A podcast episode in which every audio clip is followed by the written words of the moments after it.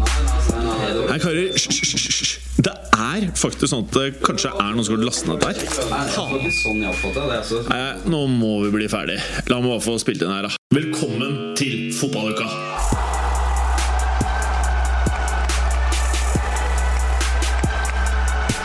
I dagens fotballuka trenger vi ikke se langt, for vi skal se på Norge og deres ville eskapader i inn- og utland. Har Rogers redningsbøyen på banen når Rødt møter Rødt i helgens kanskje aller mest nervepirrende oppgjør? Nok et toppoppgjør i England når den sterkeste gutten i klassen møter den langt mindre gutten. Med andre ord, Crystal Palace tar imot Manchester City når de to beste lagene i England møtes. Lekestue på steroider når Argentina maltrakterer Bolivia. Den oransje treskoen skyr islandsk og tyrkisk tåfis idet den lille stormakten ser veldig van Basten-løs ut. Sitter du på T-banen, skolebenken, kanskje hører du på sjefen som maser med et eller annet på jobb? Ikke fortvil, vi har nemlig med oss Jan Peder Jalland i dag. Alt dette og veldig mye mer i Jan Peder, hva er det du holder på med? Hæ? Hva er det du driver med? Jeg har fått en sånn uh, Jeg er midt app. i introen her. Ja, men det er ny jævlig ny bra app. Hut. Hut? Ja, Hva er det for noe? bra app. Du kan ta bilder og legge ut og litt som uh, Litt diverse, er det det du prøver å si? Ja, det er hot. All right. Takk for at du avbrøt meg. Alt dette og veldig mye mer i dagens Fotballuka! Jeg ønsker alle deltakerne velkommen i dag. Eh, som vanlig så har jeg deg, Morten Galaasen, til venstre for meg. Hvordan går det, Morten? Det går veldig bra. I forrige uke spilte vi inn to podder. Vi ga jo ut én i forrige uke, og så la vi ut en denne uka, vår transfer special. Hvordan var det med to podder på én uke? Takla dere det? Jeg håper at eh, lytterne føler at vi takla det. Jeg merker kjøret, må innrømme det. Vi har det gøy, da. Ja, ja. Ja. Og overfor deg sitter jo da Kristoffer, aka Bjarne. Hvordan går det, Bjarne? Det, det går veldig fint. Ja. Ja. Jeg hører rykter om at du har med en eh, litt fornyet versjon av lyden du pleier med konkurransen her. Ja, Ny lyd, nye muligheter. Og til sist, ved siden av deg igjen, så har vi dagens gjest, som er selveste Jan Peder Jalland. Hei, Jan Peder. Hei, Hei. Det er veldig hyggelig å ha deg her, altså. Takk for at jeg fikk komme. Å, du tar takking også, ja? Absolutt. Det er vi ikke vant til her i studio, men det er veldig hyggelig. Celebert selskap. Eh, ja. Deg selv, mener du? Nei, å være her. Dere er jo, driver en pod som jeg skjønner har gjort det veldig bra. Ja, jeg har dessverre ikke hatt tid til å, å lytte til den ennå, men gratulerer med en god start. Uh, Ja, det er greit, det. Eh, jeg kjenner jo deg veldig godt, Jan Peder, og du er en av mine beste venner. Men eh, det betyr jo ikke at alle andre ute kjenner deg like godt som meg. Og i den forbindelse så tenkte jeg kanskje at eh, grunnen til at du er her, er jo i eh, den forstand at du er veldig fotballinteressert. Du jobber med fotball, og du har så lenge jeg har kjent deg, jobbet med fotball. Mm?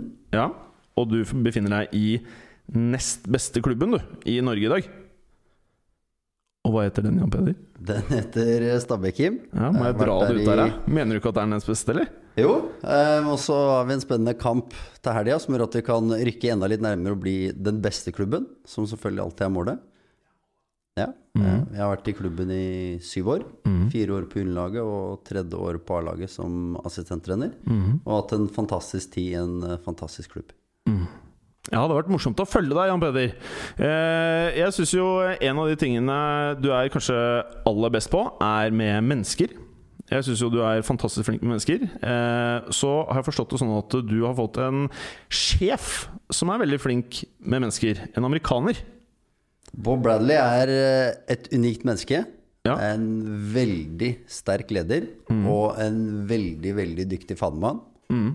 han, eh, den jobben han legger ned hver dag, individuelt med spillere, i forhold til spillersamtaler, i forhold til coaching på feltet, eh, fotballideene han har, og hvordan han individuelt og kollektivt klarer å påvirke de eh, hver eneste dag, er på et veldig, veldig høyt nivå. Eh, Jeg har vært så heldig å ha jobba med mange dyktige trenere i min karriere før, som er veldig, veldig flinke. Eh, Men jeg må være så ærlig å si at Bob er på et eh, ganske annet nivå. Det, hadde han hatt et tysk pass, så hadde han vært i Bundesliga. Og hadde han hatt et engelsk pass, så hadde han vært i Premier League. Såpass eh, bra kvalitet er det han gjør. Men han har Men du pass. har et norsk pass, Jan Peder. Jeg har et norsk pass. Du har et norsk pass, og hvis du eh, er lenge nok under Bradley, kanskje vi ser deg i eh, førersetet en gang? Ja, så på sikt så er det et naturlig mål. Ja. Jeg var yngre, så hadde jeg dårlig tid og skulle raskest mulig, høyest mulig. Eh, Etter hvert så forstår du hva som faktisk kreves for å prestere som trener eh, på et høyt nivå hver eneste dag. Eh, både forhold til ansvar til individene og gruppa som helhet. Eh, og etter hvert så blir du mer opptatt av virkelig lære deg håndverket og bli virkelig dyktig i jobben din. Og så kommer posisjonen din osv. Det kommer som et resultat av godt arbeid over tid. Mm. Eh, og så er det en annen ting som jeg Jeg vet ikke om du har fått høre det, du har sikkert hørt det masse, du er jo så flink, alle liker deg så godt. Men når jeg er på treningsfeltet ute hos dere, så er det én ting som slår meg. Det er at eh, du har en, uh, syns i hvert fall jeg, da, en naturlig autoritet som kommer av at du er vennlig, og at du bryr deg om folk rundt deg. Føler du det selv, Jan Peder? Eh, Det får være litt opp til andre å, å vurdere. Um, men jeg, jeg brenner virkelig for å, å utvikle fotballspillere og mennesker. Mm. Um, det er en sånn en virkelig passion jeg har. Eh, Og det gjelder også meg sjøl, om å bli et bedre menneske, bli en bedre fotballtrener. eh, Hver eneste dag, faktisk. Eh, Mm. Det krever mye å hele tida pushe seg sjøl ut av komfortsonen. Gjøre ting som er litt ekkelt, litt vanskelig. Teste nye ideer. Ta de harde samtalene med spillerne. Men samtidig på en ordentlig måte. Mm. På en fair måte, men også på en måte hvor du um, klarer å få spilleren i den retningen du ønsker. Mm. Ja, Tydelig at du er god til det, da, med tanke på hvordan dere gjør det i år. Hvordan er en vanlig arbeidsdag for deg? Det er alltid jeg lurt på. Eh, En vanlig arbeidsdag det kommer litt an på mm, hvilken dag det er.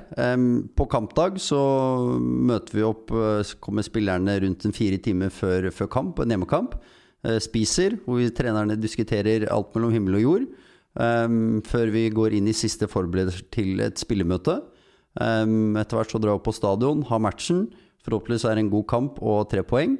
Og når jeg kommer da Det har blitt mye av det i år, da. det har vært eh, positive resultater i år, Nå så skal vi sørge for at det fortsetter videre. Ja, det må vi se mer av. Ja, Um, Så kommer jeg hjem etter kamp, da, og da går jeg gjennom hele kampen igjen. Hvor jeg også tar ut eh, veldig mye klipp til spille individuelt og forslag til lagsklipp til, til Bob. Eh, så det pågår god stund utpå natta. Ehm, og så er du på jobb Er Bob neste eh, dag. til stede når du gjør dette eller? Nei, det her er hjemme. så han skal få lov Han drar hjem og ser kampen for seg, og så drar jeg hjem og, og jobber med video og, og prøver å finne ulike vinkler for å uh, forsterke ting og ta tak i ting som vi skal forbedre. Så kommer vi da inn neste dag og går gjennom kampen igjen. Eh, Bob har en prat med spillergruppa. Noen har økt, noen har særlagskamp. Og så fortsetter da jobben gjennom uka med oppfølging på feltet, selvfølgelig. Hvor det er nøkkelen i alt vi gjør. Hverdagen vår. Samtidig som det selvfølgelig er også videooppfølging gjennom uka. Som en del av en større pakke i forhold til å utvikle spillerne våre. Det høres ut som eh, det motsatte av en del av de gutta jeg leste om eh, fra 60-tallet i eh, en del av disse eh, Guardian-bøkene. Eh, Så du tilhører, eh, kan man trygt si, den nye skolen med måten å drive trening på, etter hva jeg har forstått. Men jeg er ikke noen ekspert. Det er bare min, min holdning til det. Eh, Det jeg da lurer på, du som driver med fotball 24-7, må nesten kunne si, da. Hvordan, vi, vi har sett mange kamper sammen, eh, og jeg har sett deg veldig engasjert. Og jeg føler jeg har sett at du har klart å nyte kampen på samme nivå som det jeg gjør. Men gjør du egentlig det? Er det Eh. sånn at når du ser en kamp, så føler du at nå har jeg det gøy? Eller driver du egentlig går analytisk til verks da også? Supporteren har for hvert år blitt mer og mer borte. Og du blir mer og mer opptatt av spillet, av detaljene. Eh, tenke på ting som du kan bruke til ditt lag. Eh, jeg også bruker mye tid på å, å laste ned kampene jeg ser, og tar ut klipp for å, å bruke det til enkeltspillere og til laget. For å vise også hva som er det neste nivået for spillerne våre. Eh, Så det blir mer og mer analytisk og mindre og mindre emosjonelt og, og kos med en kamp. Mm. så det blir mer og mer jobb, absolutt. Men når det er gode fotballkamper, så nyter du det virkelig. Eh, for du setter pris på den type fotball. Jeg vet ikke om du husker det, men bare fem meter herfra, samme etasje som vi har studio her, så så vi en Manchester United-kamp. Eh, hvor jeg har et ganske sykt klipp eh, hvor du blir veldig glad. Og grunnen til at jeg da starter med det, det er for at eh, jeg ønsker jo selvfølgelig å høre med deg hvilke klubber du holder med, bortsett fra Stabæk. Nei, altså det er eh, jeg, ble, jeg så en Mark Hughes-volley rundt eh, slutten av 80-tallet. Um, og det var et eller annet som festa seg med den skåringa. Så så jeg drakta, og etter det så har det vært United jeg har fulgt. Um, som sagt, for hvert år så har det blitt mindre og mindre supporter. Uh, og så er det også når Ferguson forsvant ut, så, så gjorde det noe med, med helheten også. Eh, du vil alltid ha et ekstra øye til United, men samtidig så er det mm, fotballen som står i sentrum. Hva syns du om Fangalla? Er han en eh, fyr som kan få til noe med United? Ja, altså jeg tror faktisk han kan lykkes til et, eh, til et visst nivå. Jeg tror ikke han kommer til å løfte det opp på, på Fergus-nivå. eh, Men at han kan med sin erfaring, autoritet, selv om den også er, har mange spørsmål rundt seg, så tror jeg også United trenger en erfaren, sterk trener. Selv om det kanskje kan bli litt for mye med Fangal i perioder. Eh, Så tror jeg også United trenger en sterk styrende hånd. Og så tror jeg ikke van Gaal kommer til å være der så veldig lenge. Det har han for, for øvrig uttalt sjøl også. Så tror jeg heller du kan finne en litt yngre trener Ja, han som uttalt han skal drikke veldig mye vin med kona, tror jeg. ja. eh, I et hus som da er 25 meter unna K-mannen sitt. Og Jeg husker ikke hvem av de som kjøpte det til slutt, men den andre kjøpte det for å være jævlig mot den andre. Så de er ikke så gode venner, da. Nei. Eh, så det siste jeg lurer på, Jan Peder, og jeg tror du vet hva det måtte være. Hvem vinner gull i år? Først skal vi slå Rosenborg på Lerkendal eh, på søndag. Um, og når vi vinner den, så kan vi begynne å snakke om sånne type ting. Det er syv kamper igjen. Men det eneste vi har fokus på akkurat nå, det er å vinne kampen på søndag, legge trykk på Rosenborg og sørge for at de begynner å se bak seg på tabellen. Ok, og for de der ute som ønsker å tjene et par grunker, hvilket resultat better man på? Det tør jeg ikke tippe. Men det er en B. En B? Mm. Tror dere på B, eller karer? Skal vi være hyggelige, eller skal vi være ærlige? Du skal være ærlig, du. Jeg tror ikke på B. Jeg tror eh, heller ikke på B. Men jeg tror på B, da, Jan Peder. Takk, Kim. Å, tusen takk. Ok, vi har en ny del her før vi går videre, Jan Peder. Det er Ja, sånn det stemmer det. Ja, eh, for at ehm, jeg eh, måtte jo en gang i tiden kommentere et klipp eh, før jeg fikk lov til å sitte og kommentere ting på TV 2. Eh, og det var målet til ingen ringere enn Sergio Aguero. Og Aguero er jo grunnen til at laget ditt, Jan Peder, ikke vant tittelen det året.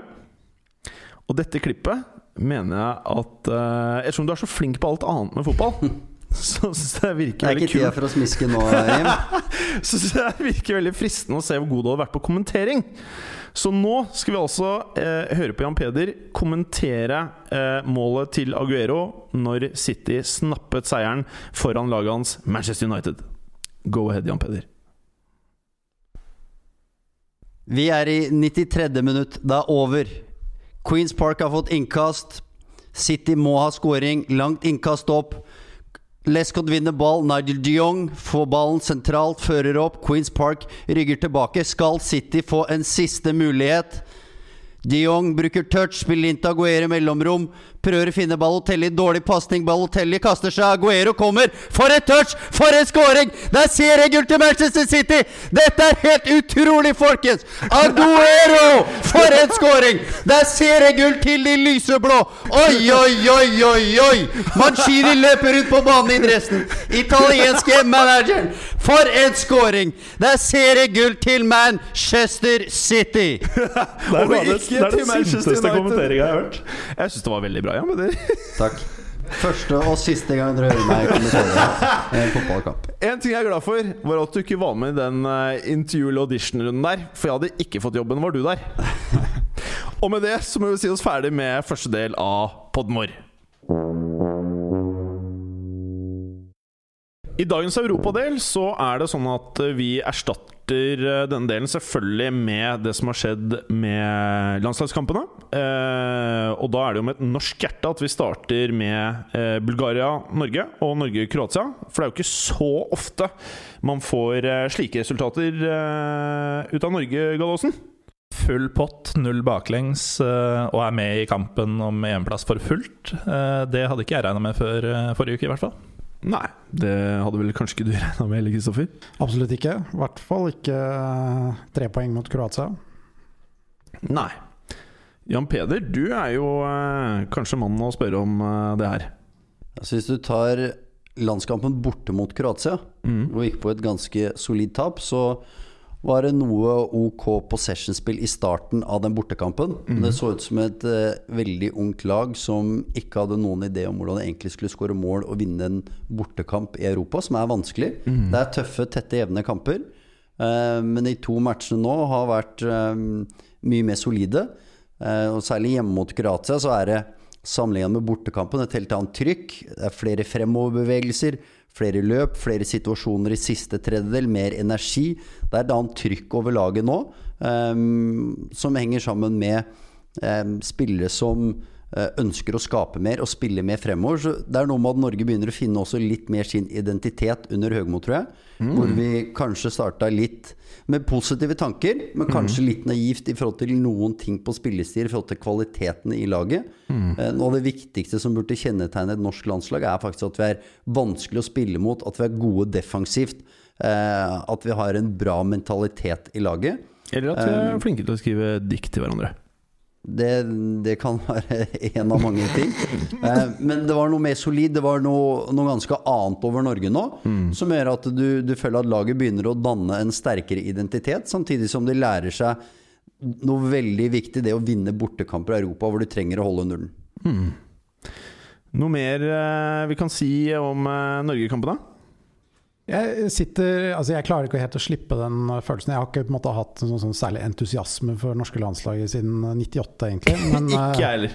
men jeg sliter litt med det der at jeg tenker hele tiden at nå får vi en liten opptur, og så kommer, merker du nå, mediene bare moser ut uh, gode historier, og nå kommer vi til EM. Det, altså det, det, er- Det er sikkert- folk som hører på den her, i hvert fall.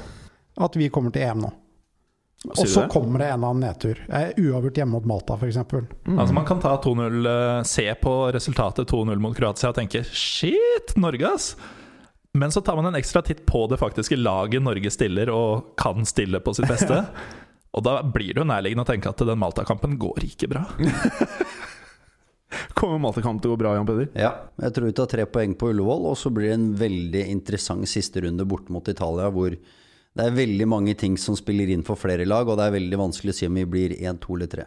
Hvordan, Altså- ser ut, eh, jeg bare, hvordan ser det ut for Kroatias del nå, som eh, nå i dag uh, mista jo treneren jobben på bakgrunn av uh, tapet mot Norge. Uh, de møter Bulgaria hjemme neste. Uh, kan de finne på å gå på en smell der, så har ikke nødvendigvis den siste kampen noen ting å si. Jeg tror det er mer sannsynlig at Kroatia går på en smell mot Bulgaria enn Norge mot Malta. Ja, det tror jeg jo for så vidt, men uh...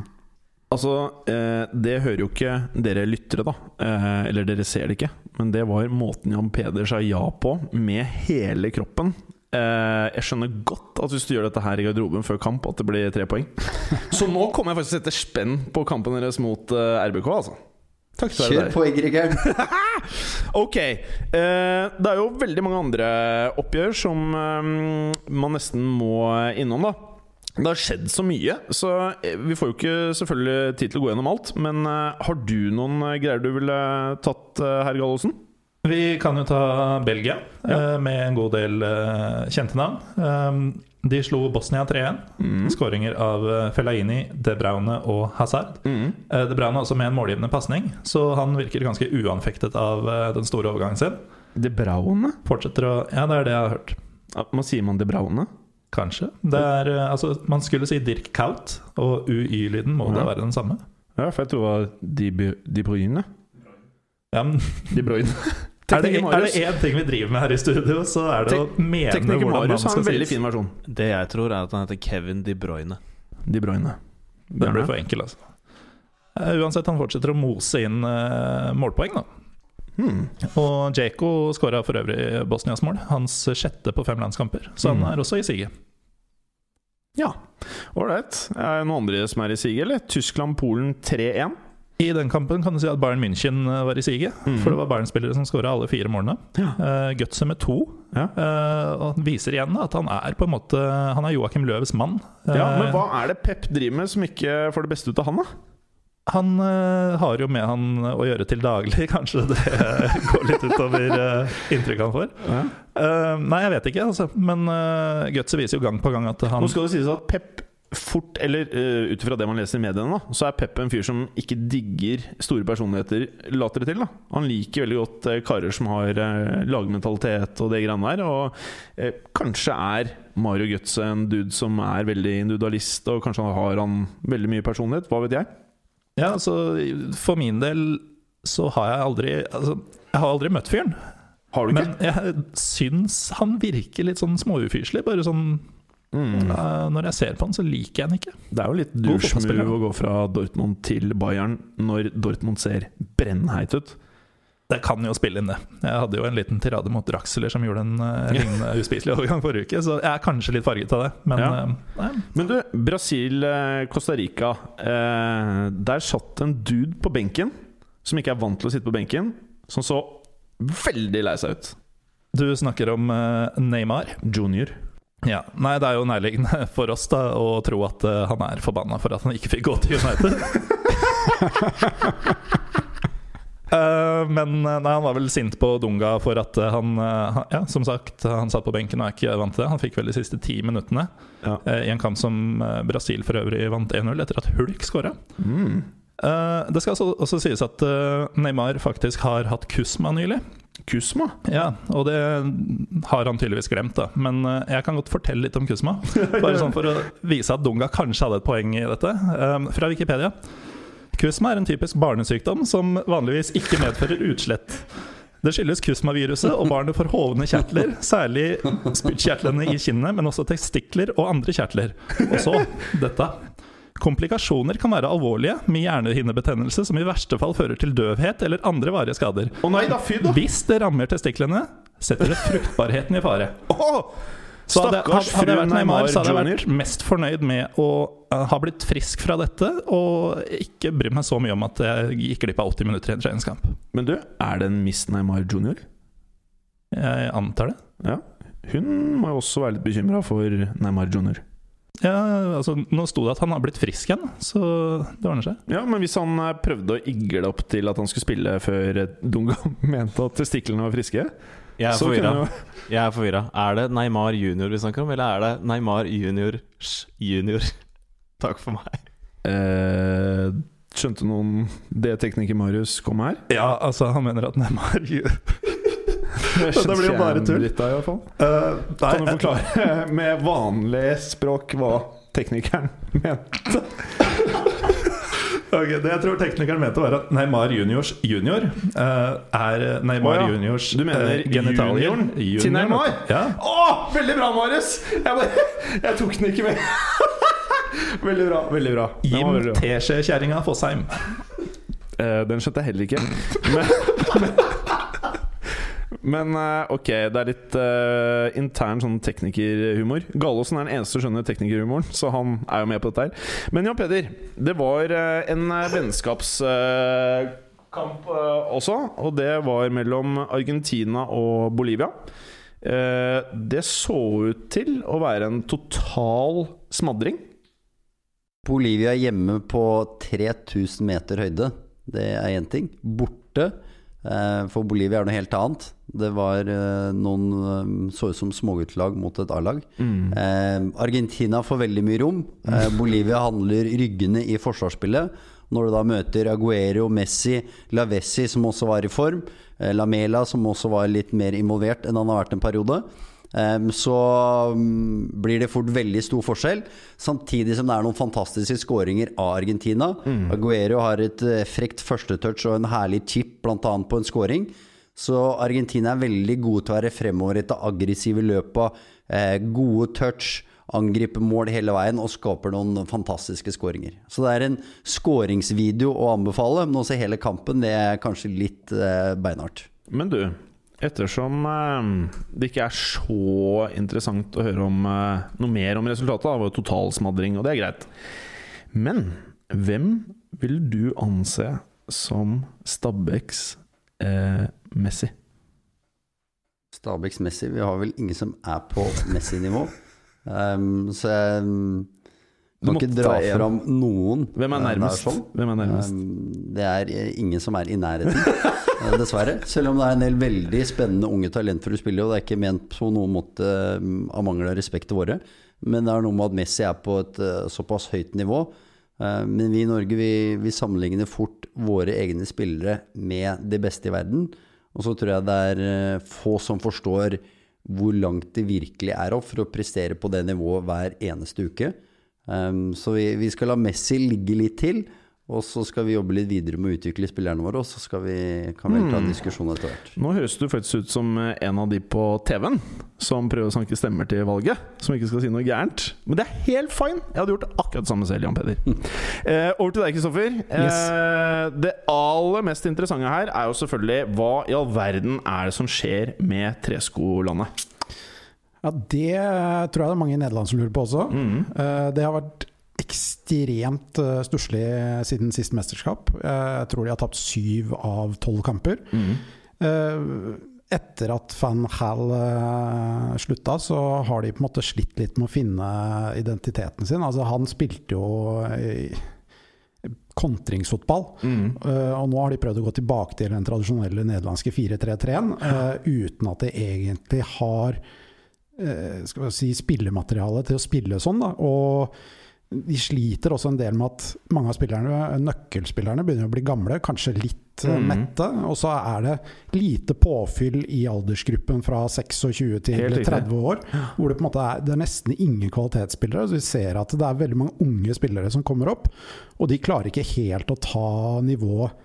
Så de sliter eh, ganske mye. Det er ikke sikkert at de får playoff engang. Uh, Riktignok har de en del lettere eh, kamper enn eh, Tyrkia nå i innspurten. Eh, Tyrkia møter både Island og Tsjekkia, men de er begge klare. Så Kan du ta resultatene til Nederland? Nederland tapte da hjemme 1, eh, eller 0-1 mot Island, Island, eh, som da er klare for EM. Og så tapte de borte 3-0 mot uh, Tyrkia. Mm. Eh, de ser eh, de ser ganske stusslige ut, rett og slett. De ser stusslige ut, Eh, men en annen som ser litt stusslig ut, det er Gerhard Pikke. For han blir buet, han. Ja, Og hvorfor i all verden blir han det?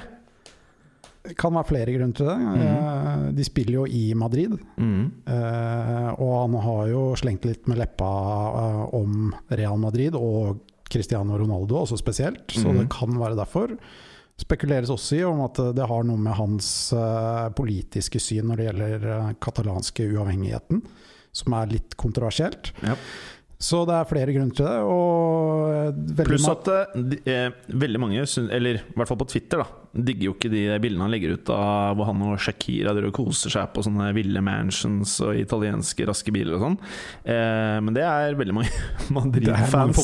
som driver med det. Altså, så det Men eh, det er mye Madrid-fans i hvert fall som ikke digger uh, Gerard Piquet, som er ganske naturlig. Men et sånn type hat, eller å uttrykke hat eller misnøye på den måten her, det er ikke så ofte man ser. Nei, det er ganske destruktivt. Eh, altså, skulle tro at som eh, fans av eh, et eh, land, så vil du støtte det uansett, og ikke gå ut eh, etter enkeltspillere. Eh, ja. Man ser en del eh, av det lenger øst. Ja. Um, det var jo en incident i Italia mener jeg, for noen år siden hvor serbiske supportere tok seg inn på banen eh, for å ta keeperen, som da hadde spilt for feil Beograd-lag. Husker ikke helt. Eh, samme i Tyrkia. Uh, Volkan Demirel fra Fenerbahçe har fått ganske massive pipekonserter på landskamper på feil arenaer. Sør-Amerika har vel også noen episoder der. Escobar. Apropos um, litt sånn uh, sørlig kultur i uh, fotballverdenen. Uh, den derre T-skjorten i denne uka her, Gallosen, den Nå ser sier litt eh, sørlig ut. Hva er det for noe? Eh, der står det Eisan Union. Og det er Det er da handlet i klubbsjappa til Der Kultklubb aus Köpenick, nemlig Union Berlin. Oi! Mm. Ja. Den var jo kanskje litt sånn rockepreget. Det er litt Jimmy Hendrix. Ja, litt Jimmy Henriks. Mm. It's Jimmy! It's Da må jeg også kaste inn at uh, fjorårets uh, fotball-fitness-trener på A-laget, Thomas Karsmarek, som nå har blitt uh, hovedtrener i Victoria Köln i, i regionalliga fjerde nivå i Tyskland, slo ut Union Berlin i første cuprunde. Så det er da Union Berlin er ute av cupen, sånn at alle veit det. Shit! Her er det stålkontroll, ass. Interessant. Det var et tungt tap å svelge for Union-sympatisører som meg, men du ble akkurat favorittgjesten min. Det er den kuleste triviaen eh, utenom det jeg har kommet med tidligere, som vi har hatt så langt. Ja. Ålreit. Eh, du kan jo bare ta resultatet av eh, Spania, kanskje? Ja, Spania vant eh, 2-0 over Slovakia, og vant vel også i går 1-0 borte mot Moldova. Så de eh, nærmer seg EM. Ålreit. Stakkars Pikke. Da tror jeg vi egentlig er ferdig med den Oi, tekniker Marius har noe på hjertet. Jeg vil gjerne bare skyte inn at uh, denne, denne runden her, på lørdagen, så satte jeg tolv rette på kupongen. På kupongen. Ja, Mye vant. Det pleier jo gjerne å være en god sum, sånn 300 000-400 000 opp til et par millioner eller sånn. Ja. Denne lørdagen her vant jeg utrolige 1600 kroner. ja, men du er flink da, tekniker Marius. Det jo, tyder jo bare på det. Men du, da tror jeg vi er ferdig med den delen her, ja. Og så uh, Veldig imponerende, Jan Peder, som uh, forventet.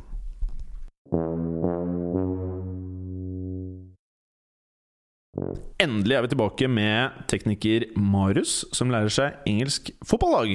Eh, og da må vi jo nesten få høre hvilket lag du har valgt eh, denne uka, da, Marius. Jeg har eh, stepped up my game, og i dag er det Everton som står for tur. Eh, og i forhold til tidligere utgaver av dette segmentet, så er denne utgaven ganske, ganske fotballfaglig sterk, må jeg si. Å, nå gleder jeg meg. Ja, Skal jeg bare sette i gang? Ja.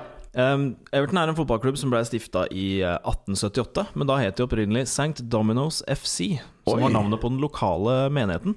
Det var sånn at eh, Medlemmene av menigheten her De, eh, de ville gjerne ha mulighet til å drive med sport hele året, og ikke bare klikkert. Hva du sa? Dominos? Eh, nei, eh, jo, i Domingo. Sankt. Domingos. Sankt Domingos. Ja. Ok. Eh, De hadde lyst, eh, altså Medlemmene av menigheten hadde lyst til å spille sport hele året rundt, eh, ikke bare cricket i sommermånedene. Og da måtte de lage det. Og da lurer jeg på, er det her en konservativ eh, fotballklubb med litt sånn religiøse røtter eller undertoner, eller? Det er faktisk den første klubben, i hvert fall i England, som hadde en eh, kirke knytta til stadionanlegget sitt. Oi. Ja, kan du se.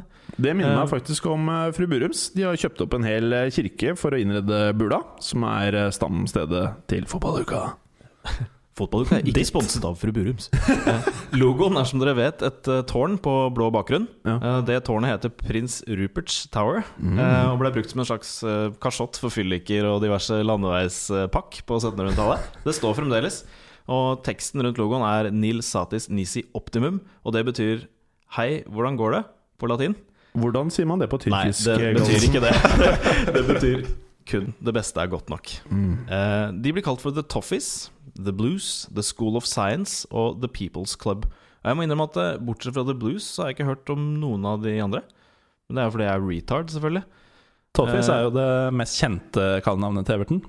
Og det kommer visstnok av at det var noen kvinnelige gamle fruer som lagde toffee eh, Mm. rundt i stadionområdet, og som ble solgt på kamper. Er det også kødd, da, eller? Nei, jeg har selvfølgelig undersøkt Nei. det her. Det viste seg at det lå en toffee-karamellbutikk eh, rett i nærheten av der Everton spilte kampene sine. Mm. Og nå i dag så har det en tradisjon med at uh, unge, fagre piker går og kaster toffee opp på tribunene.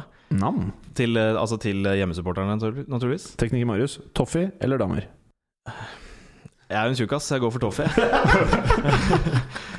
Damer kledd i toffeeklær. Du må jo gå for en dame med toffis. Yay! Bra, Da- Jan Peder! Dame med toffies der, altså. Eh, Everton spiller i blå drakter med hvite shortser. De har bortedrakter som er eh, hvit med sort shorts. Eh, og så, Everton var en av de tolv klubbene som var med å stifte The Football League i Oi, sånn. 1888. Oi sånn. Eh, og når man ser på de tolv klubbene, skulle man gjerne tro at det var noen av de store navnene der, og sånn, men det er det faktisk ikke. Det er liksom sånn Notts County, Accrington, Preston, North End og sånn.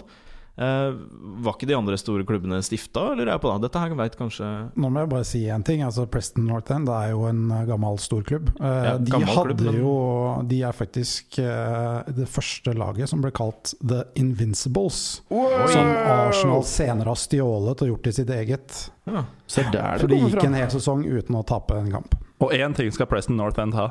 Ingen hater Blackpool mer enn det de gjør. Fett. Eh, vi må jo selvfølgelig innom noen nye spalter her i dag. Uh, vi har en spalte som heter Evertons banefasiliteter, styreformen med mange pen penger og generell UFN oppførsel Uh, de spiller kampene sine på Goodison Park, men de spilte opprinnelig hjørnet av noe som kalles for Stanley Park, Oi som var der. Hold dere fast.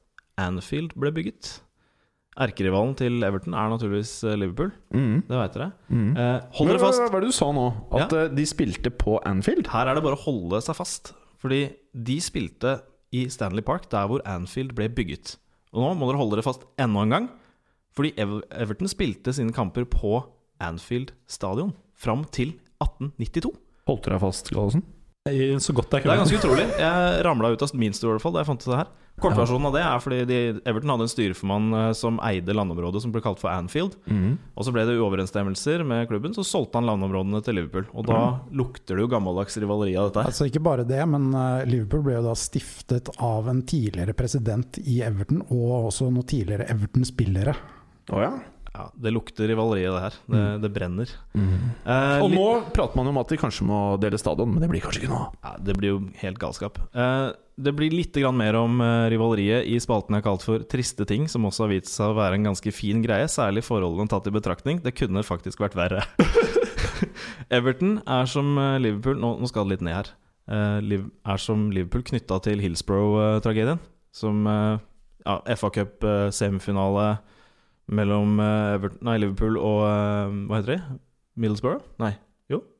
Nå står det helt stille. Marius. dette vet jeg. Nottingham Forest, selvfølgelig. Der var det 96 stykker som eh, døde. Men uh, siden begge klubbene holder til i London, så var det selvfølgelig mange som hadde mista sine kjære på begge sider. Men de klarte da å gå sammen og liksom sørge sammen, legge ned blomster og alle de tingene her. Sånn, og det har styrka forholdet mellom de klubbene i ettertid. Som gjør at de står ved siden av hverandre på stadion når det er Mercyside eh, Derby. Det er ikke så mye dri altså, det er drittslenging, men eh, de driver ikke og dreper hverandre, og sånn, sånn som eh, man gjør ellers i Europa. Nei. Jeg lar det synke inn litt før vi skal over til en ikke så fullt så alvorspreget eh, spalte. For den heter nemlig 'Rekorder, artige fakta og snurrepiperier'. -hmm. Det finnes en chilensk fotballklubb som heter Everton, og dens fulle navn er Everton de Viña del Mer. Eh, Everton har en, eh, fremdeles en ligarekord fra 1927, som eh, er flest mål skåret i en sesong. Og det er 60 mål i en sesong. Oi. Hvem i all verden kan slå den rekorden i Premier League, lurer jeg på da? I framtida? Har du noe Jeg har ingen som helst idé. Sunderland? det blir nok Sunderland. Um, vi har vært innom Sean Connery en del i spalten. Har vi det? Ikke i spalten, men i podkasten for øvrig. Eller du? Uh, jeg, på privaten jeg, har vært innom, Sean Connery. jeg har vært innom Sean Connery. Uh, og det skal vi nå. Fordi The Hunt for Red October ble spilt inn i Liverpool. Der var Everton er. Mm. Der stopper egentlig mitt segment, fordi jeg sparer litt av eh, kruttet om byen og alt mulig rart til eh, den eh, gangen vi skal ha med en annen klubb fra Mercy-området. Hvilken klubb det blir, ja, det kan dere gjette og spørre om. Jeg sier det ikke. Er det lov å kjøre det litt personlige ting her, eller skal det kun være opplysning? Jeg vil si at du kan være veldig personlig, Gallosen. Ja. Nei, for altså, Jeg har ikke noe veldig forhold til Everton som klubb, egentlig. Men eh, 94-95-sesongen var da jeg begynte å se på fotball ordentlig. Jeg var sånn ti år gammel. Og for meg er Everton uh, Duncan Ferguson Nydelig, og Neville spiller. Southall. Duncan, ass. Og ja, Duncan, ass. Eh, han har eh, vært arrestert fire ganger for overfall, han. Eh, Ikke mer? Jeg tenker at det er ganske lite. I hvert fall som, har blitt, eh, som folk har fått med seg. Kanskje Tenk folk vi har skulle å regne med det som skjedde på banen, da. Ja, eh, han ble jo faktisk dømt for et overfall på banen. Da han eh, skalla ned en forsvarsspiller som het Eller en spiller i hvert fall, som het John McStay. Mens han var Rangers-spiller i 94. Stakkars fyr. Vet dere hva de andre tre overfallene er? Nei. Jeg Um, mener å huske at det var et innbrudd. Kan det stemme? Han hadde et innbrudd hjemme hvor han jaga og banka tyvene. Jeg vet ikke om det ble anmeldt om det bare var greit, ettersom gutta hadde brytet seg inn i helt feil hus. eh, dette er ikke min informasjon, men det er helt sikkert sant. Bra, Jan Peder. to, to av overfallene har skjedd etter krangling i taxikø. Vi har, vi har vel alle vært der. Hel, heldigvis ikke med den Duncan Ferguson. du har vært der. Eh, Den siste er eh, en eh, liten greie han hadde med en fisker på puben. Ja. Ja. Liker han ikke fiskere? Han likte ikke denne fiskeren. Han liker jo ingen av, virker det som. Så det er liksom, Han blir overfalt for én gang, eller han blir dømt for eh, ett overfall på banen, og så er resten stort sett fyll. Mm. Er, ikke, det er ikke uten grunn at han ble kalt Drunken Duncan. Ikke sant? Det er ganske fett kan kallenavn, eller? Ja, det er ganske fett. Men en liten ting eh, til om han er jo at han er den spilleren som har flest eh, røde kort i Premier League. Historien, eller? Yes. Oi sann. Åtte eh, kort. Riktignok så kan den være up for grabs av en spiller som heter Lee Catamol som ligger på syv. Og han har kanskje Kanskje han kan klare å ta den rekorden allerede i år. Kanskje, Bjarne. Jan Peder? Det stemmer vel at han har en viss tatovering også, gjør det ikke det? Oi. Mm. Tatovering. Fortell mer. Med en viss klubb, som vi har hørt litt om i dag. Som Du kan jo gjette hvem det er. Teknikeren vår. Jeg tipper at det har noe med Everton eller Liverpool å gjøre. Det er da selvfølgelig Everton, ettersom det har vært dagens klubb. Ja. Så han har hatt fra gammelt av en Everton-tatovering, hvis jeg ikke husker feil. eh, også i tida han spilte i Glasgow Rangers. Mm. Ja, det er Duncan Ferguson, og det er Everton. Noe mer? Vi er ferdig med den delen. Maybe someone's uh, don't like me, but because I'm maybe I'm too good. I don't know why. He has zero titles, and I have a lot of them. Listen, I've just told you I'm concentrating on my football, which I'm doing all summer. There's only one Zlatan. Sure? Yeah. Do you know Zlatan? It was your hand or the hand of God? For me, man. I thought it was funny. Og nå er vi kommet til ukas frekkas. Um, jeg vil jo si at eh, vanligvis så syns jeg Galåsen er mannen jeg er mest spent på å eh, høre fra. Men akkurat i dag så tror jeg kanskje vi skal starte med Jan Peder. Hva er din ukas frekkas, Jan Peder Jalland? Iveren, jeg må si som det er. Jeg har ikke fått forberedt meg som jeg skulle eh, til den samlinga her. Det har vært veldig hektisk. Det har vært også veldig mye Samling eller podkast? nå. Vi kaller Samling dette en fotball, samling. eh, Jeg kaller det en samling ettersom det er fem karer som sitter i et eh, heftig studio. Ja, det er greit. Det er en samling. en samling. samtale, så blir det en samling. Ja, det. Samling i bånn. Sa- Samling i toppen. Ja. Samling i topp og botten. Ja. Bånn. Bånn. Botten. Greit. Fint, Så jeg har rett og slett ikke fått forberedt noe frekkas. Nei, kan du Jeg prate inn i mikrofonen, Jan Peder? Men Da blir lytterne um, veldig glad, skjønner du. når jeg kom inn døra, så ble jeg veldig overraska. For da skjønte jeg at uh, jeg fikk en frekkas servert. Og det var at jeg faktisk skulle i podkast med sjølveste Thomas Giertsen. På høyre hånd her, Kristoffer. Det er sjelden jeg har sett noen ligne så mye på Thomas Giertsen. Ja. Ja, Og du vet jo hva de det- sier, eh, Kristoffer? Thomas Giertsen er jo litt uh, handsome. Ja, og litt feminin. Er det det? Så nei, det var kun Du har jo faktisk rosa i T-skjorten din, da. sittende i en rød shorts, grønn ja, Er det- Noen andre farger som ikke jeg kan navnet på. Veldig imponerende, men øh, det var ikke noe vondt ment. Men jeg var overraska at jeg kom til en øh, sånn kjendispodkast, for det var Ja. jeg ikke klar over. Jeg har hørt det før, men det er ganske mange år siden. Mm. Vanligvis så pleier det å gå i mer eh, Brad Pitt og litt sånne ting. Ok, du, jeg trekker tilbake. Det er ikke, det er ikke rosa, det ser ut som peach. Ja, litt mer peach. Litt mer er peach. Skal vi bare, bare bevege oss til din eh, frekkas denne uka her, eh, Gjertsen? Det kan vi gjøre. Ja. Eh, Jeg har et par stykker. Eh, Jeg kan begynne med Adwayor, som eh, nå har blitt utelatt av Tottenhams tropp for dette halvåret. Både i Europaligaen og Premier League. Ja. Han styrker jo ikke sine muligheter for å få godt betalt neste overgangsvindu, akkurat. Eh, I tillegg så var treneren til Togo ute og meldte at eh, If you're dating a woman who doesn't want to respond positively, then you must look for another woman. Ok. Og refererer da til uh, Adebayor. Ja. Det kan tolkes på litt forskjellige måter. Jeg tenkte med en gang at uh, han, i og med at Tottenham ikke har lyst på han, så bør han gå ut og prøve å finne seg en annen dame eller en annen klubb. Jeg tenkte med en gang at Adebayor var en dame. Eh, Men det han faktisk mener, er det at uh, Adebayor har skippa noen treninger med Togo, så de har ikke lyst til å ha noe mer med han å gjøre, de heller. Nei. Nei. Det er eh, av og til sånn at eh, folk ikke ønsker å ha så mye med Adebayor å gjøre. Ja. Mm. Har du noen mer frekkaser du, eh, Thomas? Ja, eh, Romero Ja. har vært ute og sagt at uh, van Hall har reddet karrieren hans. Oi! Og at, eh, eh, som man alltid sier når man joiner en ny klubb, at det er en drøm som går i oppfyllelse. Selv før de har begynt å spille. Jan Usai Dortmund Han sa det var en drøm før han hadde landa i Tyskland. Ja. Mm. Men så sier han da også at man roterer ikke på keeperplassen. Mm. For meg så høres det ut som et eh, desperat skrik etter å få beholde plassen, nå som uh, De Gea-overgangen eh, gikk i vasken. Mm. Ja, for Romero mener at han er bedre enn David He. Han mener at sannsynligvis innerst inne at han er dårligere, og at han kommer til å miste plassen, men han prøver å prate seg til den. Det er en frekkas. Så mannen jeg vanligvis gleder meg mest til å høre fra på frekkas-delen, Morten Galaasen. Hva har du å servere?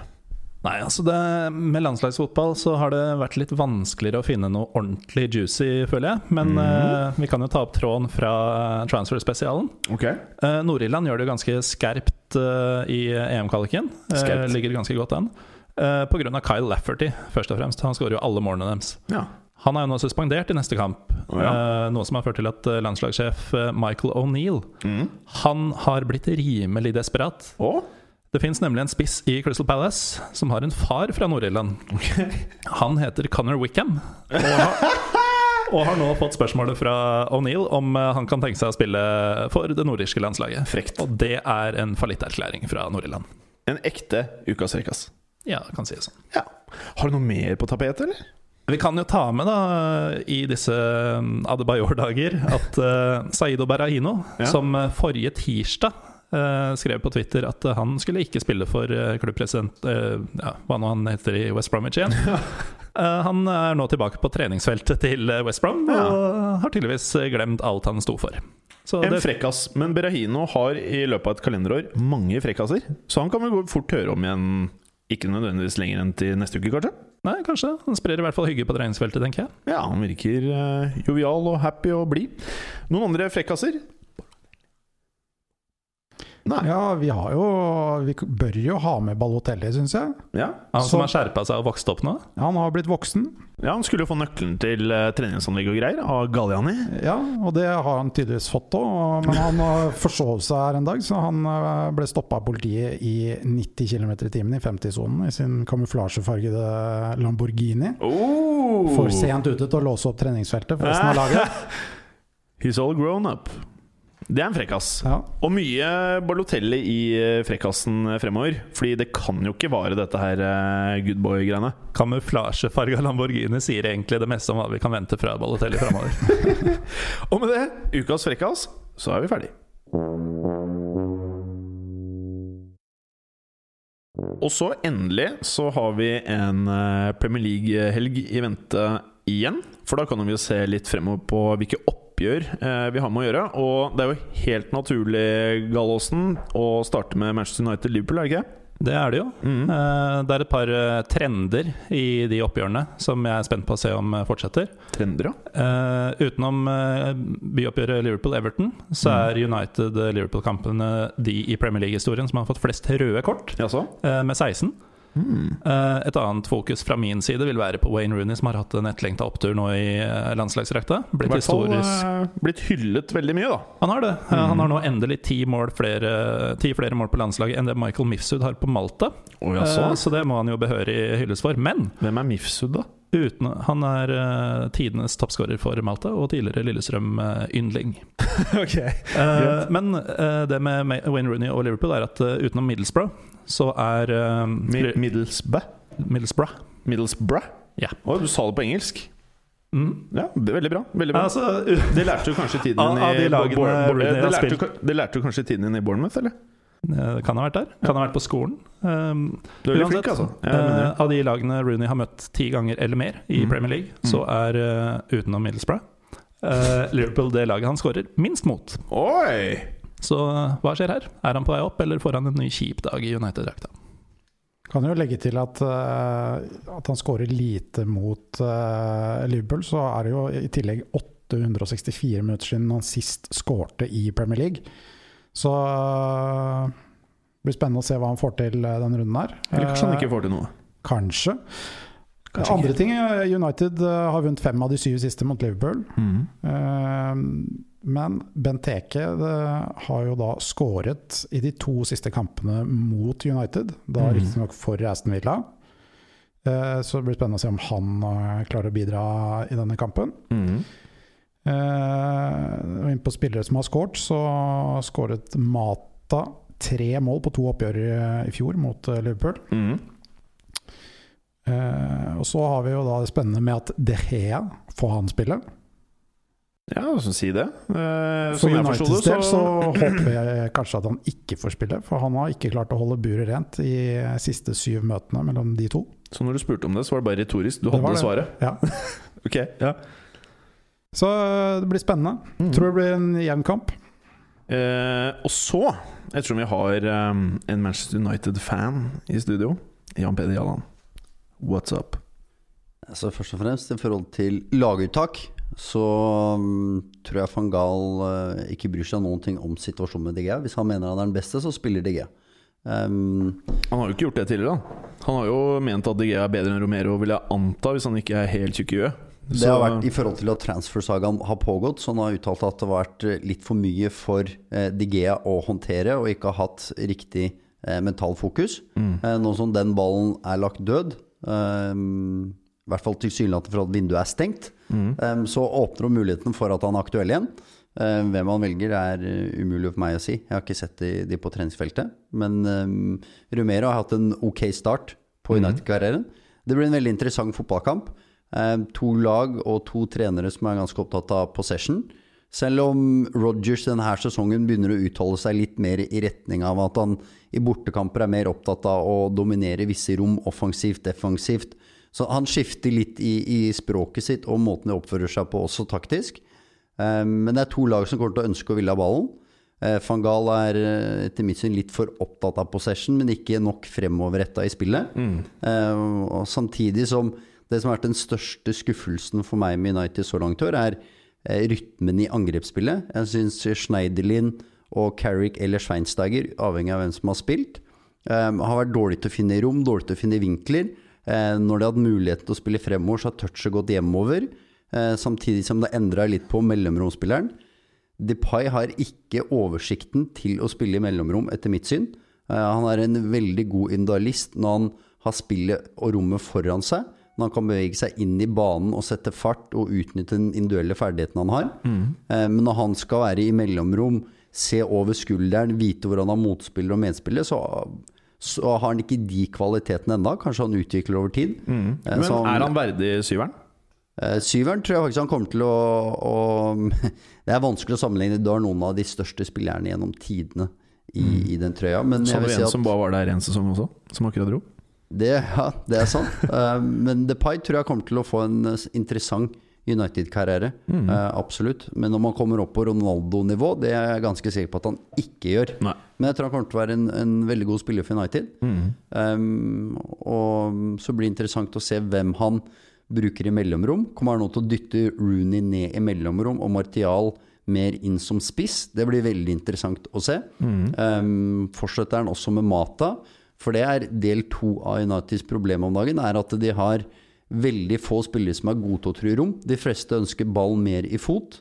Og når du da ikke er flink nok til å ha en god rytme i angrepsspillet ditt, de sentrale ikke klarer å finne de rette vinklene og, og som sagt rytmen i ting, og samtidig det er få spillere som truer bakrom, så blir det fort statisk. Det blir enkelt å forsvare seg mot. Det ser vi så ganske tydelig hjemme mot Tottenham, og spesielt mot Newcastle, hvor det blir, det blir for enkelt å stoppe United. Men han derre Martial Nei, hva ble det med han het? Martial. Martial. Hva i all verden eh, skal man si hvis han ikke starter da? 80 millioner euros. Han må jo starte, eller? Eh, Van Gaal, hva han velger å gjøre, det tror jeg ingen vet. Um, jeg nevnte tidligere i programmet at Er nesten gøy hvis han starter på benken. 80 ja, det, euro. det hadde ikke forundra meg. Hadde nesten vært gøy. Det hadde ikke forundra meg i det hele tatt med van Gaal. Um, men uh, som jeg sa, van Gaal um, Han er bra for United i form av at han har veldig mye erfaring. Og det tror jeg er viktig for United at det er en sterk leder internt. Mange av fotballideene til van Gaal De syns jeg er uh, veldig begrensa. Um, som Nederland også, så er han fortsatt veldig markeringsorientert i spillet sitt. Og litt var- markeringsbehov òg, virker det som.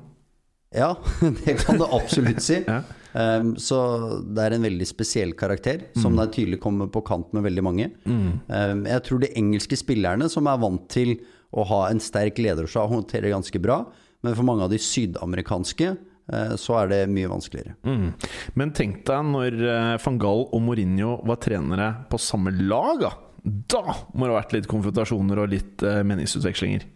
Når Mourinho var assistenttrener, så, så uttalte Bobby Robson at eh, han, han så ikke noe spesielt i Mourinho på den tiden. Han var en eh, ok assistenttrener som kunne mange språk, sto på og jobba hardt, men ikke en utprega personlighet. Det som en ofte har sett over tid, er at eh, når trenere kommer inn i klubber som hovedtrener, og etter hvert som du begynner å få suksess, så vokser ego til trenerne akkurat som med spillerne, og så blir personligheten sterkere og skarpere for hvert år som går. Mourinho har vokst. Og det har skjedd veldig med Mourinho. Og så blir det interessant å se om Mourinho på et eller annet tidspunkt tenker nå er det på tide å bli litt rundere. Ja. Det tviler jeg på. Det tviler jeg altså på. Oss. Eh, ja, da er vi vel greit dekka på Man United-Liverpool. Eh, Herr Morten Galaasen. Det er en kamp. West Brom, Southampton. Hva skjer der? Nå er vi ferdig med det kjedelige, så nå kan vi gå i gang med fotballsnackset eh, på The Hawthorns. Nei, Vi kan jo nevne at eh, Southampton har eh, kun vunnet én av de fem siste her. Og kun sånn. skåra ett mål i løpet av disse fem kampene. Mm -hmm. uh, West Brom har jo for så vidt en ganske dårlig hjemmestatistikk nå. De har 1-1-4 på de siste seks. Så uh, litt vanskelig å si uh, hva som skal skje, egentlig. Southampton er et dårlig bortelag. West Brom er et dårlig hjemmelag. Ja. Graziano Pelé skårer jo ikke mål på bortebane, så han er jo ikke med i denne kampen, kan man på en måte si. Han ser jo flott ut, da. Ja. Det blir også Syns noen. Ikke ja, du. Nei, altså deg om det, Jim. Deg om det. Det skal ikke jeg legge meg opp i. Hva Du du syns han er en vakker mann? Han er ikke stygg. Ok. Nei, eh, Det pleier altså å bli lite mål mellom disse. Tre mål på fire siste oppgjørene, så det er ganske kommunegrått, det som skal skje på The Hawthorns. Mm. Kommunegrått. Blir det kommunegrått eh, mellom Westham Newcastle, eller, Kristoffer? Det er umulig å si. Altså, det er to lag som du aldri vet hva dukker opp med eh, i bagasjen. Eh, nå skal det sies at eh, Newcastle har hatt ganske bra tak på, på Westham på Bollian Ground, og Westham har kun vunnet to av de si, ni siste. Og mens Newcastle har bare tatt to poeng på sine siste ni bortekamper, så det lover jo ikke godt. Men som sagt så er det jo veldig vanskelig å spå noe i en type kamp her. Eh, liten kuriositet er jo det at eh, vi har jo Slaven Bilic eh, som møter McLaren, og de har møttes før som managere, da eh, som landslagstrenere. Oi. I kvalifiseringen til eh, EM i 2008 møttes, eh, møttes Kroatia og England. Mhm. Kroatia vant begge kampene, og McLaren fikk faktisk sparken etter at Kroatia jaså. slo England 3-2 på Wembley. Så her ligger det litt nerve i oppgjøret her. Jeg lurer på om det er litt uh, De gutta her husker det, vet Litt hat. Ja. Hit. Ja. Hit. Men uh, jeg tror det fort kan eh, bli en uh, jevn kamp. Men uh, du vet aldri hva, hva slags lag som møter opp, så jeg spår en uavgjort her, jeg. Å jaså, uavgjort. Mm.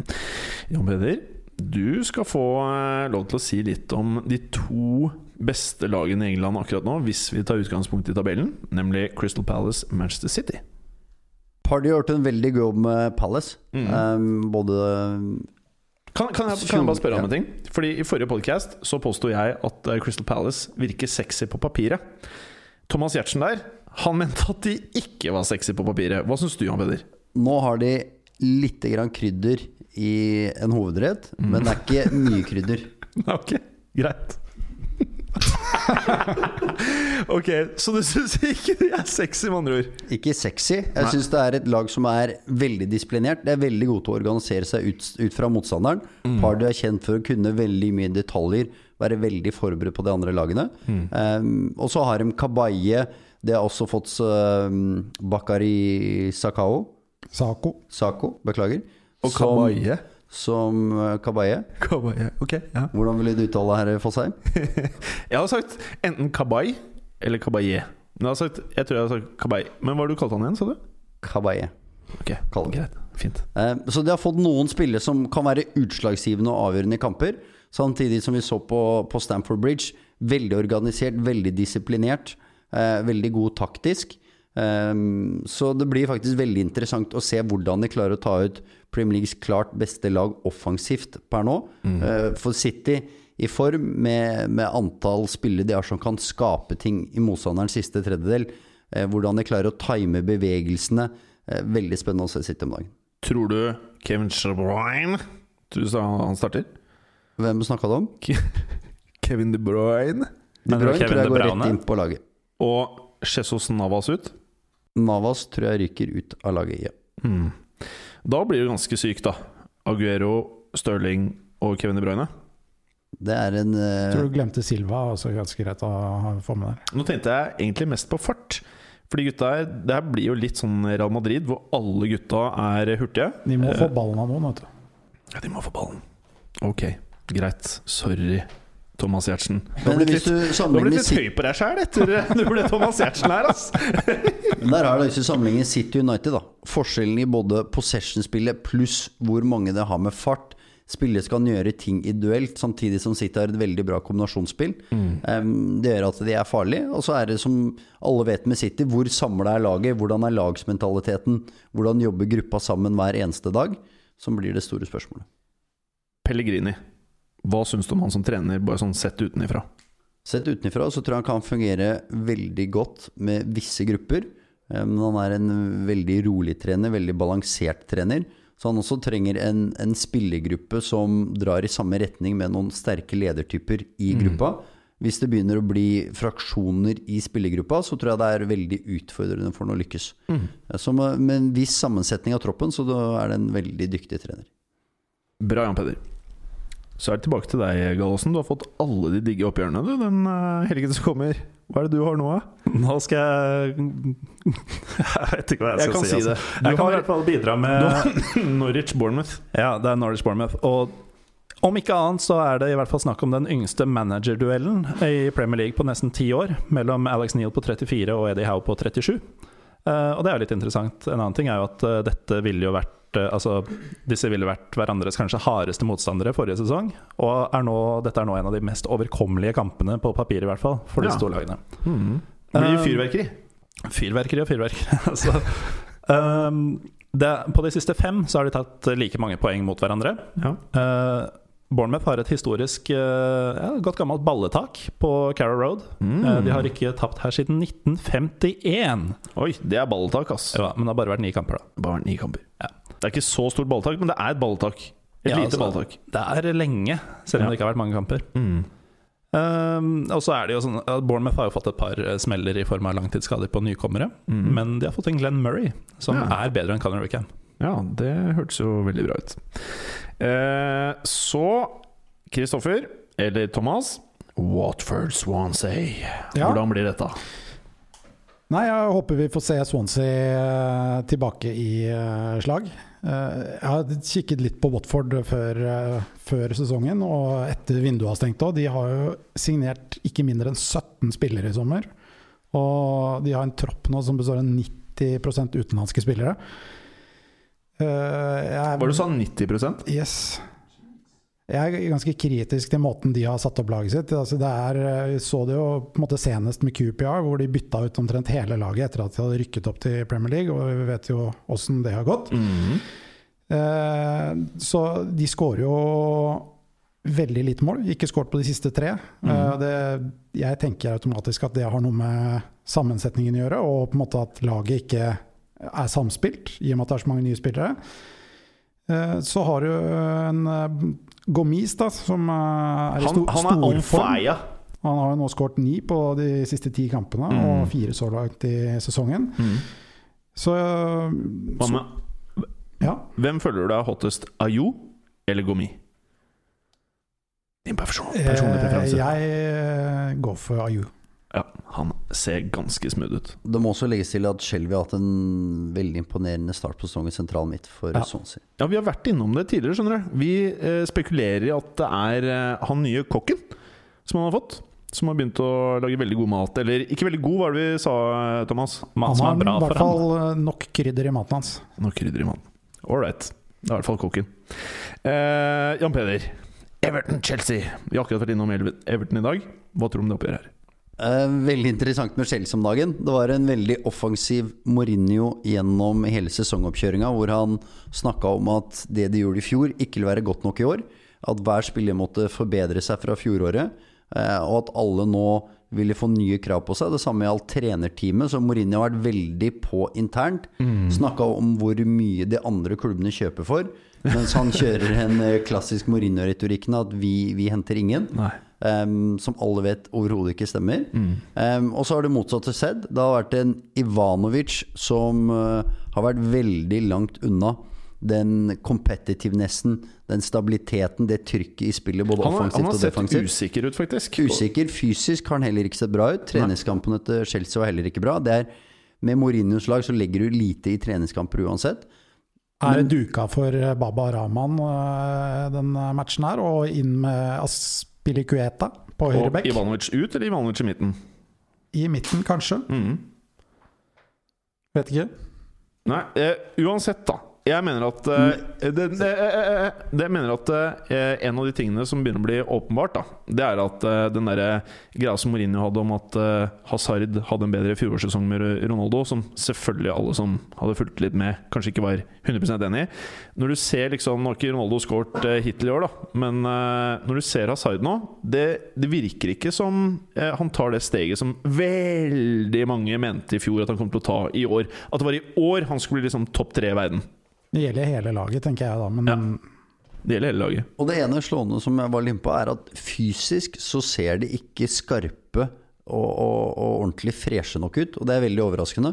Veldig overraskende, men eh, i vår pilot av fotballuka så nevnte jeg historien om Bella Gottmann.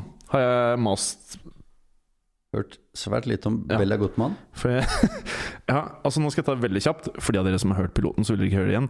Men hele poenget var at eh, han mente at man ikke kunne trene et lag eh, mer enn to sesonger.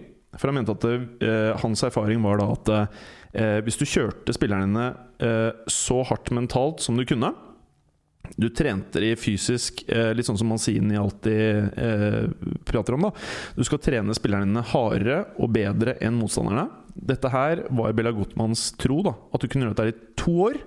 Til slutt så eh, forsvant lagharmonien. Altså Folk begynte å bli irriterte på de motivasjonstallene dine. Eh, folk ble belastet psykisk. Trenerteamet ditt ble belastet psy- psykisk. Og folk begynte å skjønne kombinasjonen mellom spillerne dine og taktikken din. Det var liksom det Bella Gottmann eh, Altså Han hadde aldri en klubb mer enn to år, da. Det var greia.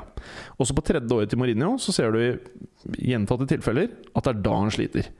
Det er Bella Gottmann-thing.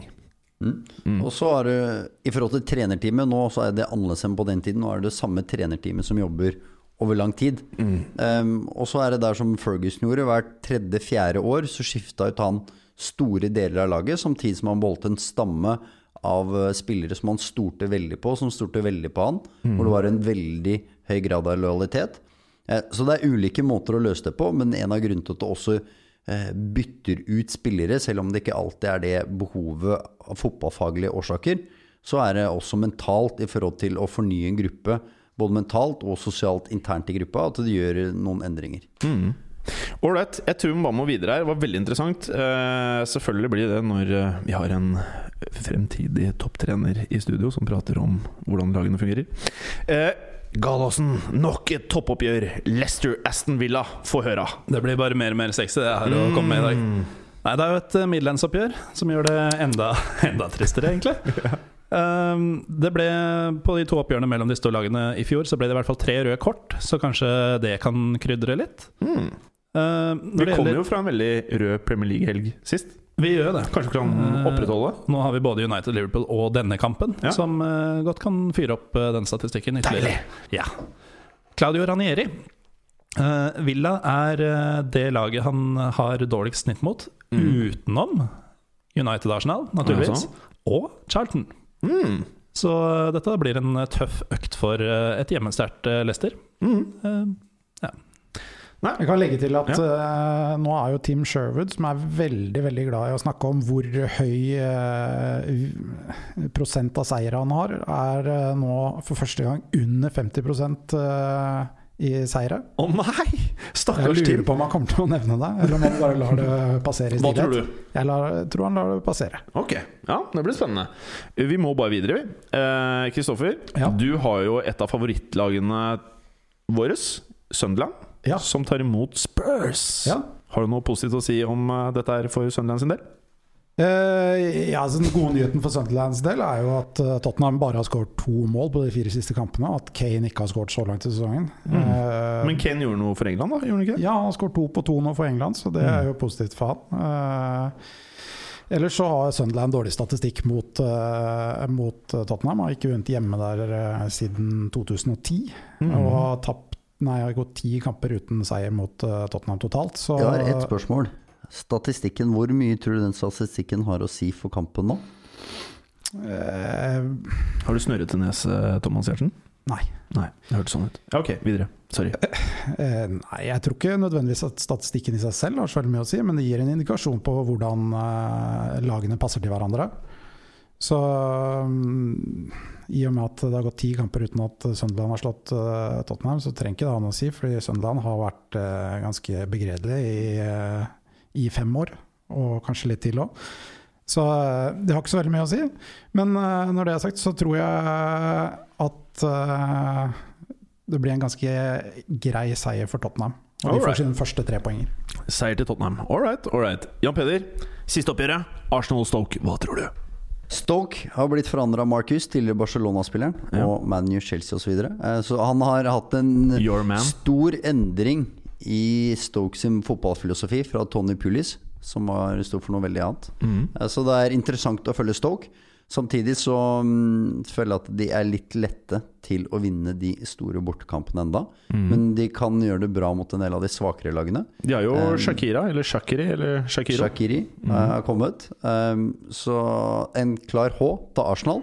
Okay. Um, det tror jeg. Eh, For jeg tror et lag som passer Arsenal godt også. Og så tror jeg Arsenal nå kommer til å ha en uh, ganske ok periode nå i starten. Tror det? Ja.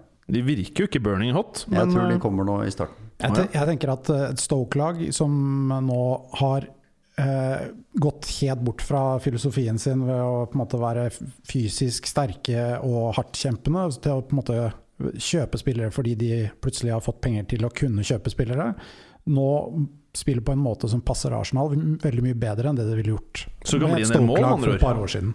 Ja, jeg tror Stoke kommer til å prøve å spille offensiv fotball. Det tror jeg Arsenal kommer til å utnytte. Mm. Kan bli en underholdende kamp. Ja, right. Med det så er vi ferdig.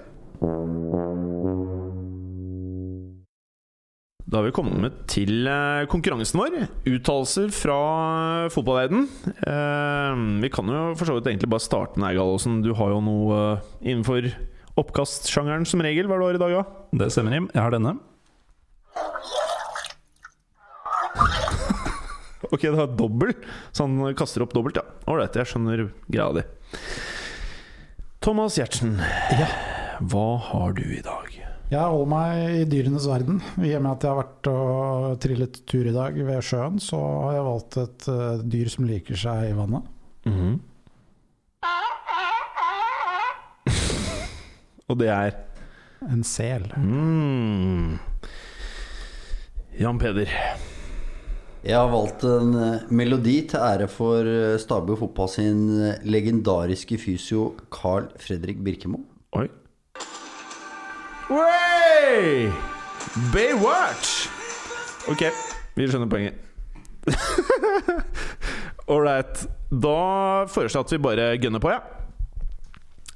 Første uttalelse. It doesn't have to be an absolute top club. There are other good projects that are exciting. A team who needs help.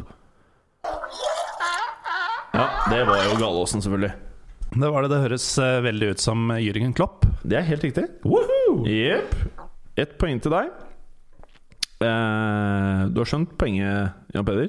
Du skal trykke når du Nå forstår jeg det. kan svare. Mm.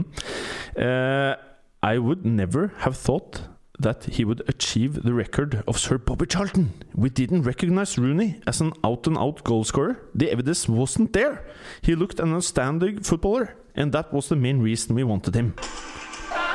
Jan Peder! Det er da sjølveste sir Alex Ferguson. Helt riktig, Jan Peder. Ett poeng. Hva skjer da, Thomas? Nei, eh, Eller Bjarne, så ikke plutselig blir saksøkt. noen faktisk tror det. Nei, det er jo Bjarne som vanlig. Men han ligner litt på Thomas Giertsen, da, mener Jan Peder. Ja. Mm. Nei, jeg vet ikke. Du er på hugget? Ja. Ja. jeg tror på det. Jeg har tro på det. I think it's my last year in Paris, but I'm okay, and I want to finish the best way possible. You never know what can happen. Today I want to stay. Tomorrow we'll see. Fy faen, det var, det var veldig tidlig, men egentlig det, Jan Peder. Lavesi. Helt riktig. Veldig bra. Veldig bra. Eh, to poeng til Jan Peder, ett poeng til Gallosen. Ingen poeng til Gjertsen. All right. Gjertsen kan ikke så mye om fotball. Vet. Nei, nå er jo ikke du Gjertsen, da. Ikke la det gå til huet på deg Jeg går inn i rollen, da. Det gjør du, ass. Og du, og du er flink. Du er flink. Vi liker det. Being benched is not something I'm used to, and I'm not willing to get used to it. Det ble Gallosen. Jeg følger opp, jeg. Eh, nei, jeg var så heldig å dekke denne kampen tidligere, så dette er jo Neymar junior. Neymar Junior. Ok. This summer I received a lot of offers to return to the Premier League, but I have decided to stay here because I believe in this project and I believe in the players we have. Players who know much better now. Det er jo bare deg, det, Jon Peder.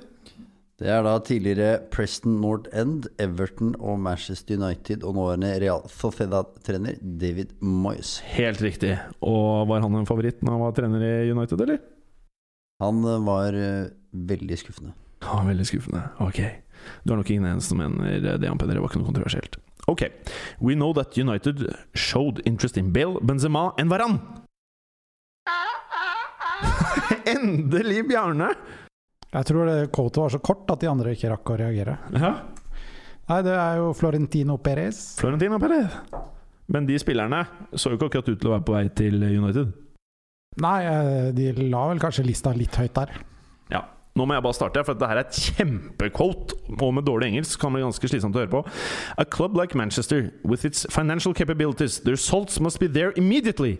We also want to see the players shining. Great players like George Best, Paul Scholes, Ryan Giggs, Roy Keane, Ruud van Nistelrooy. Where are they? Where are the stars of Manchester United? I saw Di Maria in some games. He looked like he was never play. He has never played football. There is a panic buying. You have to prepare and then make the decisions together. You can still make wrong decisions, but we never made panic decisions. Det var Bjarne. Carlos Coeros. Helt riktig. Da må jeg legge til at Ja. han er landslagstrener for Portugal. Har han vært det? Vet ikke. Det var vel derfor han dro fra United den gang i tiden, men det gikk jo ikke så jævla bra. Ja, der fikk han sparken for Ja. veldig mange år siden. Han er landslagstrener i Iran, og Iran slo i går India 3-0 borte i kvalifisering. Og keeperen for India var Guprit Singh fra Stabøy fotball.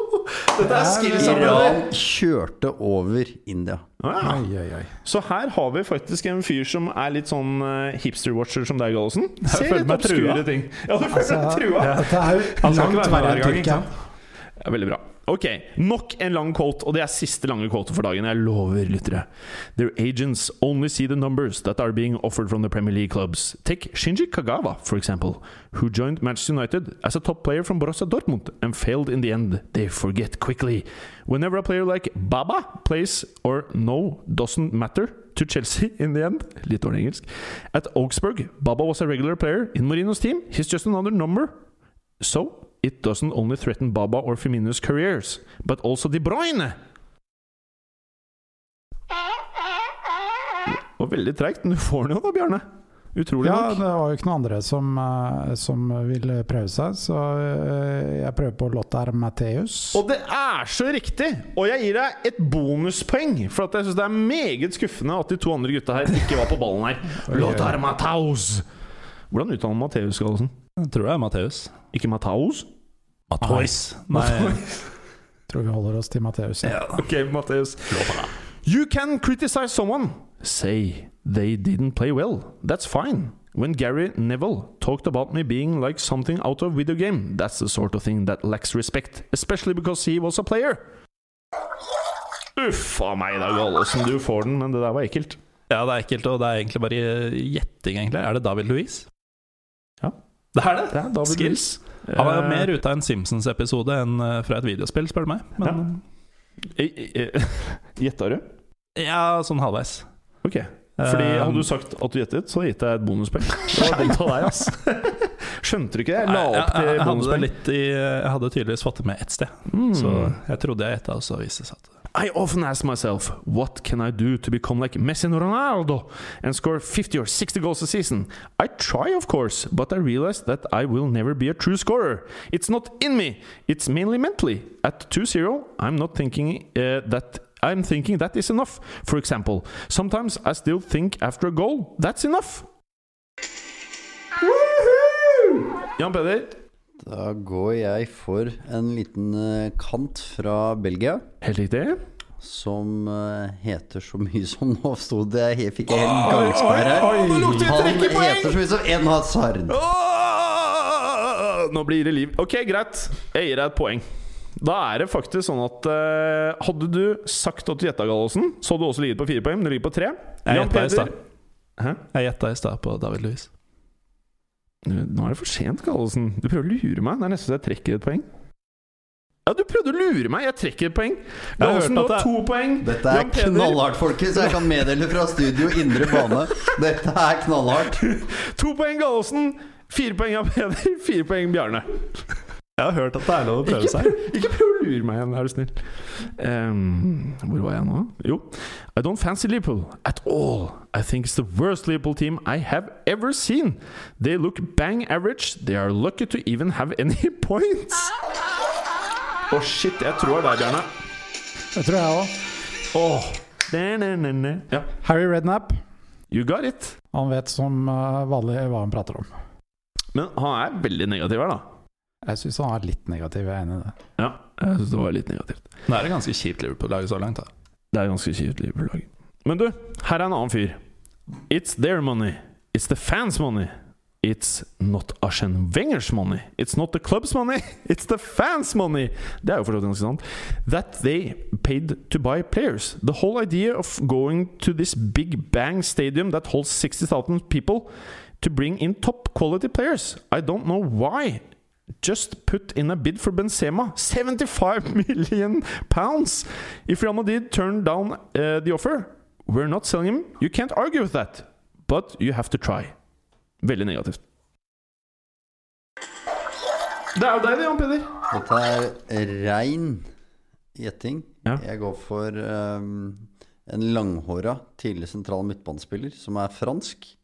Som spilte i Arsenal. Han gikk til Barcelona, og han heter så mye som Å, her lukter det trekk, Det altså. lukter trekk lang vei. Du tenker på hans etternavn som kan være liten på norsk?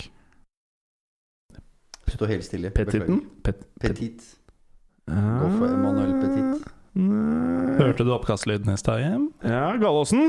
Det er Paul Merson. Yeah! Som i starten av sitatet hørtes litt ut som han hadde falt av vannvogna, men jeg ble veldig enig etter hvert. Ja, Gallåsen, Her er det to bonuspoeng. Så du er oppe i fem poeng. Jan To Peder. bonus. Det er bare rett og rimelig. Jan Peder, dette Ja. var ikke bra. Det var ikke bra. Hva skjer hvis du bommer? Er det minuspoeng? Vanligvis får du minuspoeng, men når du sier petit, så får du minus to. Gallåsen på fem, Bjarne på fem, Jan Peder på to poeng. Nå må du trykke kjapt på den der Baywatchen din, ass. Ok, nå er vi nærmere oss slutten her. I've heard Martial Marshall, eller Martial scored 11 goals in the French Championship. That Jan Peder, vil du ha mer trekk? Det var for tidlig. det var litt for tidlig. Du tar en Gardasen. Ta en Gallosen. That sums it all up well, so I'm happy with the investment I make. Yes, every time. I bought Sanchez, I bought Mesut Ozil, I bought Czech, I bought Gabriel last time, I bought Debussy. When you find the players, you invest the money. Jan Peder! Det går kanskje for Arsenal Yeah! Det er greit. Det var såpass raskt at eh, det kanskje er mulighet for å lukte på noen bonuspoeng. Du vet at jeg liker jo ikke når folk driver og maser om deg. Så, Så da hadde jeg trukket. jeg trekker ikke. Siste greie nå. Det vanker mye bonuspoeng her. Eh, ikke trykk for tidlig, karer. Da blir det minus. I felt immediately at least in the team. I think I filled the gap that Ribéry has left since his injury very well. Jan Peder, Kosta. Douglas Costa. Helt riktig. Og da får du Ålreit. Um... Jeg skal være kul. Du får ett bonuspoeng. Og det som skjer da, det er at uh, Galåsen har fem poeng. Jan Peder har fem poeng. Og Bjarne har fem poeng. Kan jeg si hva jeg synes om det, Jim? Ja, gjør det. Hvilken del? Gallosen, ettersom du var ganske fet nå, og det var det jeg lette etter Hvem responderte riktig til uavgjorten? Så går penga til deg, Gallosen. Og du er ukas vinner! Ja, ja, ja, ja, ja! Jeg vet ikke hvordan jeg skal reagere. Ok, og da må jeg takke så mye, Jan Peder. Det var drithyggelig å ha deg i studio. Vi lærte masse. Det er veldig, veldig digg å høre på noen som kan ting som ingen av oss, eller i hvert fall ikke jeg, kan en dritt om. Tusen takk. Har du hatt det Veldig gøy? hyggelig å være her. Mm. Og jeg håper vi kommer tilbake snart. Og jeg skal invitere deg igjen. Trust me. Takk for i dag. Takk for at du gadd å høre på. Vi er Fotballuka på Twitter, Facebook og Instagram. Følg oss gjerne. Men bare få høre. Den tror jeg blir litt fet.